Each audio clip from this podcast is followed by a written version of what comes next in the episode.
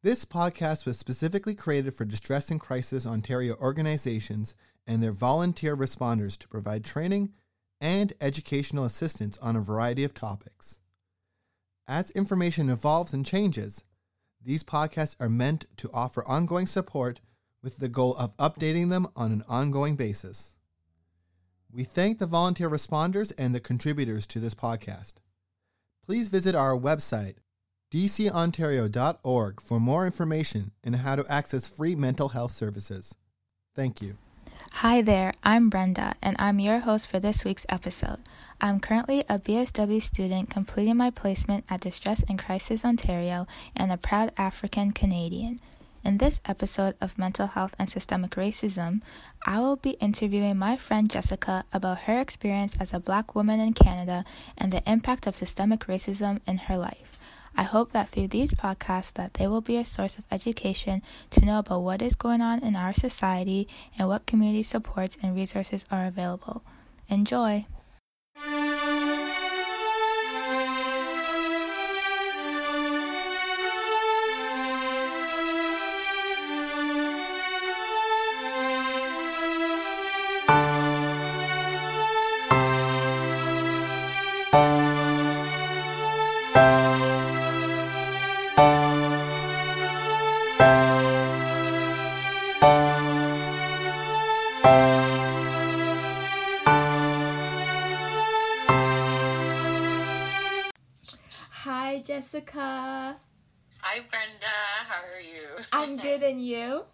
I'm doing well, thank you. Great. Thank you so much for taking time out of your day to come and have a chat with me tonight. So, could you please tell us about yourself slash your lo- social location? Sure. Um, so my name is Jessica Jacenter. Uh, I'm a first generation Canadian. So my parents immigrated here from Ghana in the late 1980s to give my brothers and I a better quality at life. And I will be the first in my family to hold a master's degree. Wow. So uh, yeah, just with that being said, I, I am in my first year of two of the Master of Social Work program at Wilfrid Laurier in uh, KW. Um, I have been married for about a year and a half to this day, actually. Now I look at my calendar um, to my best friend, and of course, there's the highs and lows, many lows, but uh, love is a choice. And I, yeah, I just make sure to choose him daily and all that sappy stuff. I won't get into that. We're not here for him. Um, but we we did recently move to to Kitchener. Um, we we've been here for a couple of weeks now. We we actually met here in Waterloo in 2013. Um, and we were here for a number of years. We both moved to Toronto in 2017 for our professional careers. Um, and I was working with youth in the welfare system and working with survivors of human trafficking at a transitional home that I lived in and managed as well. Um, but I am about a month into my MSW program now at Laurier, and it's definitely been one heck of a transition. But we thank God for bringing me this far, and yeah, just for also having this opportunity to connect with you and easier to do Mhm. so. Yeah. Um, and uh, I think we touched on this a little bit in the beginning. So, like, so many of our communities will will make comments or statements like "therapy is for white people," and you know we Mhm. don't do that. And I I honestly bought into that for a really long time, and Mhm. I'm at a point where I'm like, nope, that is an absolute lie. Like, we must do therapy, we must do counseling, and that is a form of also doing self care, especially in a time like this. We have to prioritize accessing any and every service and Mhm. resource available to to care for ourselves, to care for our mental health and well being. I feel that we we really and truly have a long ways to go. Like this is, um, you know, you don't you don't want to to burn out in in uh, you know taking off and, and sprinting. Like this is we're in this for the long haul or a marathon, and I think about the generations that are coming after us as well. And if we're mm-hmm. able to kind of break like like generational cycles for yeah. them, so that we don't have to experience um, the the extent of mental health burnout mm-hmm. um, from from systemic racism and oppression and discrimination. Um, we have to do anything and everything that we can, and so thinking about the generation that are that that is coming mm-hmm. um, after us helps re- helps me really stay grounded um, to in in prioritizing my mental health and well being. Yeah, thanks so much for sharing. Because, yes, because there is a generation coming after us, and it's not helpful to keep repeating the same toxic cycle. So I like how it's becoming more um, normalized for Black people to receive mental health care.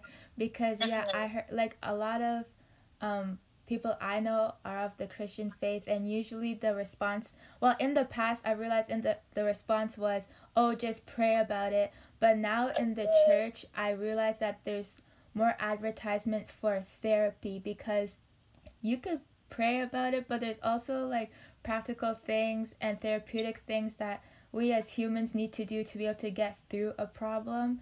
So Absolutely. prayer is like just one aspect of it, but there's also actions that need to follow through with that to actually receive the healing that you need.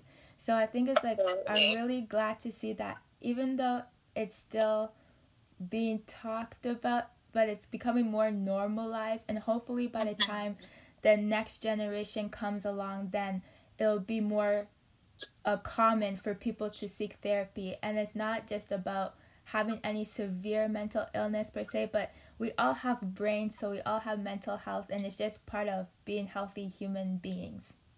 Absolutely, so that is so well said, and I love that you use the word normalize, and I think mm-hmm. that's exactly what we need to do because for so long, um, words like therapy or counseling or concepts of therapy and counseling mm-hmm. have, have been so taboo in um, in Black communities or or Black communities of faith, um, mm-hmm. and we really need to to normalize that it's okay. It's absolutely okay. I mm-hmm. I recently heard one of um, my mentors who's black talk about, and they said it so casually. They said, "Oh yeah, I talked about this and this and this with with my therapist," mm-hmm. and I was just so stuck on that. I couldn't even fully process everything else that she was saying mm-hmm. after the mm-hmm. fact because I was just so stuck on the fact that um, she shared that with me in mm-hmm. such a mm-hmm. casual manner. Yeah. It, it, wasn't. It's not something that I'm used to. It's not something I'm used to hearing within Black communities, and so I think it's so significantly um, important. It's like it's just crucial that we begin to normalize uh, looking out for our mental health and well-being, and for one another as well. Mm-hmm. And do you have any other self care advice? Yeah, self care. I think. Well, I think self care. That's that's definitely a concept that has become so like it, it's like a buzz concept mm-hmm. these days. Uh, and so I think that looks different, really and truly, for everybody. Um, for me, uh, I, I love to journal, especially in a time like this where there's just so much happening and my mm-hmm. mind just races at a million miles an hour. I love to get out of my headspace and just take everything and plop it down, um, pen to paper, and it, it it's so grounding. It's so therapeutic. If um, there are any individuals listening who have never tried journaling, honestly, just give it a try. Give yourself like a week trial or something. But it, it's it's so very therapeutic, um, and so journaling I find is really helpful.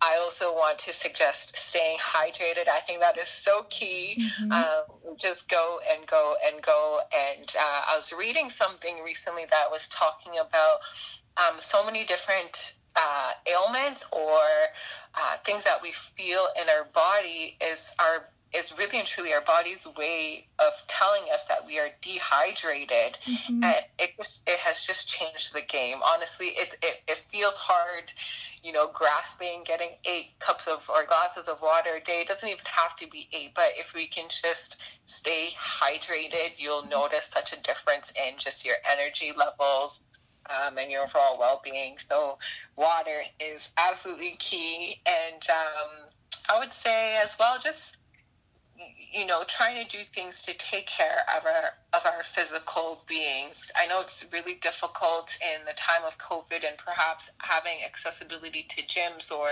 um, different programs and whatnot isn't the same. But there's so many different resources that are out there mm-hmm. that can help in sparking creativity right from your living room. And so if we're able to do some light stretches, um, you know, put on some music on Spotify, on YouTube, or wherever, and just put on some killer jams. Like I was just rocking out to Missy Elliott and Ciara this mm-hmm. morning, some old school classics, classics. Just like get your body moving, get your heart racing. It's it's so important um, and to also just connect with people mm-hmm. and uh, i know that's hard it's it, we can't connect in the same traditional sense necessarily uh, pre-covid but finding different ways to um, establish connection with people, I think is just so important. Try, you know, I don't know, sending out a letter, um, do do a do a phone call, do a FaceTime instead of like the texting. Mm-hmm. Um, just find different ways to get creative in, in establishing connection. And lastly, I, I would say, even though I, I mentioned the, the phone bit and the texting and whatnot, I would say unplugging, honestly, is just mm-hmm. so needed at a time like this every now and then. Mm-hmm. I had to find time, carve out time yeah. and space to just completely unplug because the amount of traumatizing content you you consume and you don't even realize it sometimes it's almost like subconscious and it, it's also it's almost like it's becoming normal mm-hmm. um, you know social media is a place where that's a different type of um, you know platform for connectedness, but it's also a place where we receive so much of our information and news sources, and uh, you know it's not always filtered with trigger warnings and things like that. So I would say it's so crucial to unplug, mm-hmm. um, just to give your your your body and your soul some true rest. Yes. Yeah. Thanks for sharing all those great points. I really identified with each of them, especially the journaling one. Journaling has helped me out so much. I've been journaling pretty much all my life, ever since. I could write. And it's really helpful to like, um, to like, de, de is right is the right word decompose? No, like to let everything. Pardon? Decompose. Uh, decompose. That sounds like a rotting body, but maybe yeah, this is the wrong. That's the sorry. That's the part that's gonna get cut out. Anyways, let me write this down. Like to release, it's very cathartic. That's what I want to say. It's very cathartic because like your head can only take so much information, so it's great to like be able to pour it out on paper and to really be able to analyze your thoughts and emotions and process them appropriately and accurately. So that Absolutely. it's not like staying within you and like yeah because sometimes you can be overthinking about things and you just be getting headaches which are not helpful. And you can also uh-huh. see how you've developed as a human being also. And that also relate to the drinking water thing. I got um a big jug of water like a water container that uh, it measures out for you how much the amount of water you should be drinking every day. I got it off of Amazon. I forget what it's called, but yeah, it's really helpful. On the bottle, it even has like encouragements throughout the day. So like keep going, you're almost there, you can do it. Yes, yeah. you need a little personal cheerleader in your corner from time yeah. to time. Mm-hmm. And the drinking water thing is very true because sometimes when I have those three hour lectures and I'm uh-huh. feeling myself doze off I just take a drink of water and I feel refreshed and my eyes are opened again. So yes, those are all very good points. And I really like the point you made about connecting to community because I know that from Ghanaian culture, we're all about community and being together and being united. So that's another source of like support to reach out to. Yeah, so those are all really great points. Thank you so much for sharing. So, um, you mentioned before that you're in the Masters of Social Work program. So, yes. what do you plan on doing with the knowledge you gain from it concerning um, systemic racism? If you're going to be going down that field. Mm-hmm. Oh man, Brenda, I'm gonna shake shit up. if I can be so blunt, and I like I that's what I do. That's what I will continue to do. Um, I I think about Tupac and his um, his song changes, and I feel like he was so beyond his years. Mm-hmm. Um, but on one of his tracks, it says, It's time for us as a people to start making some changes. Let's change the way we live and let's change the way we treat each other. You see, the old way wasn't working, so it's on us to do what we got to do to survive. Wow. And it, it, like, that speaks to me. I, it, this was back in like I think that track is back in the 90s, if I'm not mistaken, or late 80s, uh, but still so very relevant to what is going on in our world today. Um, the old ways of living and being, it, it like, it's just, it hasn't been working. Mm-hmm. And so you can really see a lot of different social movements and, and revolutions and uprisings that are happening every single day. And we are leading those movements. We are taking that initiative and taking that ownership and trying to take back that power in order for us to survive. And so with that being said, I'm not necessarily depending on my MSW mm-hmm. to kind of contribute to like my my daily uh, like actions and my contributions to my community. However, of course, it is very supplemental. Mm-hmm. Um, absolutely, um, but I realize that the having that degree can just perhaps help in opening up some additional doors and opportunities mm-hmm. and also just as i mentioned uh, you know breaking some some generational cycles i i, I am the um, I will be the first in my family to to obtain a master's degree, and like that is such a huge honor and privilege, and comes with such great responsibility as well. Um, and I just want to pave a, a way in a future for um, the generations coming after me and my family and people who are around me in my community that legit anything is possible. Mm-hmm. That doesn't that doesn't take away from the obstacles that we go through and that we experience, mm-hmm. um, but it is a way for me to normalize greatness in my family and my communities. And um, I just like the time really and truly is now. Like we have over 400 years of our history and greatness that was stolen from, from us, mm-hmm. that was raped, that was murdered, that was humiliated, and we're just doing what we got to do to to catch up and and to um, resume on that that greatness that and the legacies like just the richness of our culture that we had that we still have but was taken um, away so savagely uh, so many years ago and to this day mm-hmm. and so with that being said um, with my MSW program, I, I do have some hopes and ambitions to um, utilize my knowledge kind of twofold in the educational system. I, I do mm-hmm. have a lot of experience working directly with with youth, um, primarily youth in low income uh, neighborhoods, marginalized youth, uh, newcomer,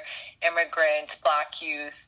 Um, and so I, I do hope to continue working with the youth population in the educational system, especially with what uh, I was exposed to. I mean, I grew up in Brampton, so Peel is like my hood, and to have the opportunity to connect with with youth in my professional career in the in in Peel for the last uh, two and a half years to kind of see what is still going on mm-hmm. so many years later. I'm, I'm really inspired to um, to to have a career in the educational system and also to have a career in politics, um, mm-hmm. potentially mm-hmm. in the field of um, policy and as it relates to legislation and uh, implementation for survivors of human trafficking. Mm-hmm. Um, I won't I won't get too much into it, but there are some things brewing, and um, I, I, really hope that my MSW. Uh, degree can can contribute to those career aspirations. Wow! Congratulations on getting into the masters. It sounds like well, I know you're going to be prosperous in all those uh, dreams you have for yourself, and I know you're going to be amazing at it all. Thank you oh, so much for sharing. You, you're very welcome. Is there anything else you would like to add that we did not touch on? Um, yeah, I guess yeah, well, one, thank you so much for having me. This was just so refreshing um, and, and perhaps very timely for me personally because uh, if you were to ask me earlier, maybe like June or July, just felt like there would have been no emotional capacity mm-hmm. to, to kind of um, open up about experiences of mental health and systemic racism in the in the Black community. It just mm-hmm. felt like, I mean, it still is mm-hmm. um, a very uh, just traumatizing and very heavy time in the world uh, of Blackness. But um, with that being said, I think that we need to really move beyond, you know, the the, the stats mm-hmm. because we like it, what we're seeing, what we're experiencing, what we've been talking about. It's very real, and we've been saying it for so long, and now all of a sudden, all these stats want to come out to kind of, you know, put some. Uh, percentage validation on on the experiences and stories that people have been been sharing since time. But I think we really need to do some real, solid, tangible work. Mm-hmm. Um, it's going to be uncomfortable. It's going to be messy. It's going to be so dirty. But but Black people, Indigenous peoples, like we are literally out here having to fight for our lives, having mm-hmm. to prove that our life matters, and that to me is just it. It just sounds like madness. Like mm-hmm. I, um, I'm I now live in a neighborhood where I see. Um, uh, you know the signs of like Black Lives Matter, and it's just like this always like consciousness about mm-hmm. your blackness, yeah. and now people are putting like the signs up in their windows or uh, I remember my husband and I were taking a walk around our community, and uh, we we hit the main inter we hit a main intersection, mm-hmm. and uh, there were cars that stopped at the light, and one white older male. Mm-hmm rolled down his window and and screamed at us and he said yeah george floyd his life mattered his life really mattered and there's a lot of different um, things that we couldn't really hear mm-hmm. with all the cars buzzing by but um, it's like, okay, so like, are people just now pitying mm-hmm. black people? Because me, I personally, I don't want your pity. Yeah. Like, don't feel bad for me. I don't feel bad for being black, but like, I need you to transform your pity into mm-hmm. real, solid, and tangible work and action. And so we can't, I, I feel like we can't, like, we need to stop with this love and light and company publicity statements that isn't um, you know, partnered with the action and the mm-hmm. solidarity, the discomfort that comes with this work. Um, and that's just, to me, that's just passive empathy mm-hmm. and sympathy. And I can speak for myself, but I think there are also a lot of black people that, like, we just don't want it. We want people to get out of their bubble of mm-hmm. privilege because being um, nice is just not enough when people are losing their life, like literally losing their lives mm-hmm. um, over what?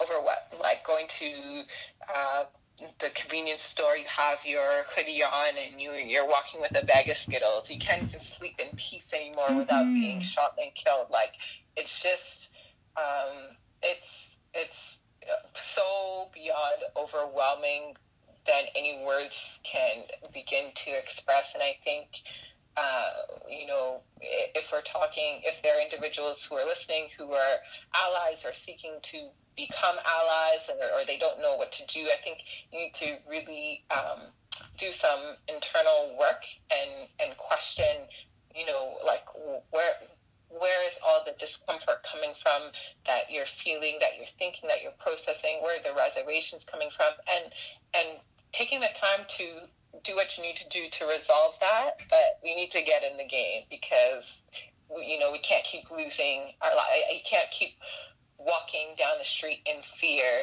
Mm-hmm. Um, my husband has those sentiments now where he came to this country seven years ago and so his lived experience and my lived experiences are completely different as black people in this country he hasn't had a lifetime of experiences that, that i have mm-hmm. so he's not necessarily as aware he's aware but he's not as aware of, of certain nuances yeah. um, and, and how it impacts on a on a systemic level on a structural level um, on a you know professional level. But anyways, all that to say, um, I think people really need to, if you're seeking to be an ally mm-hmm. um, to Black Indigenous communities, you really need to resolve to commit to doing this work that is messy, that um, will you'll you'll fumble along the way, you'll make mistakes, and I personally would appreciate that so much more than um, you know, the I'm so sorry, I like I don't know what to do or say, but like I love you. That doesn't do anything for my community. Yeah. Um, challenge your neighbors, challenge your families, like challenge yourself. Do the readings, but also don't expect for um, the validation to come because you did those things, because mm-hmm. that's not what it's about.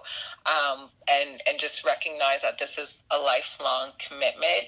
And um, yeah, we like you know, we're literally fighting for our humanity. And so you either in or you're out. Yeah.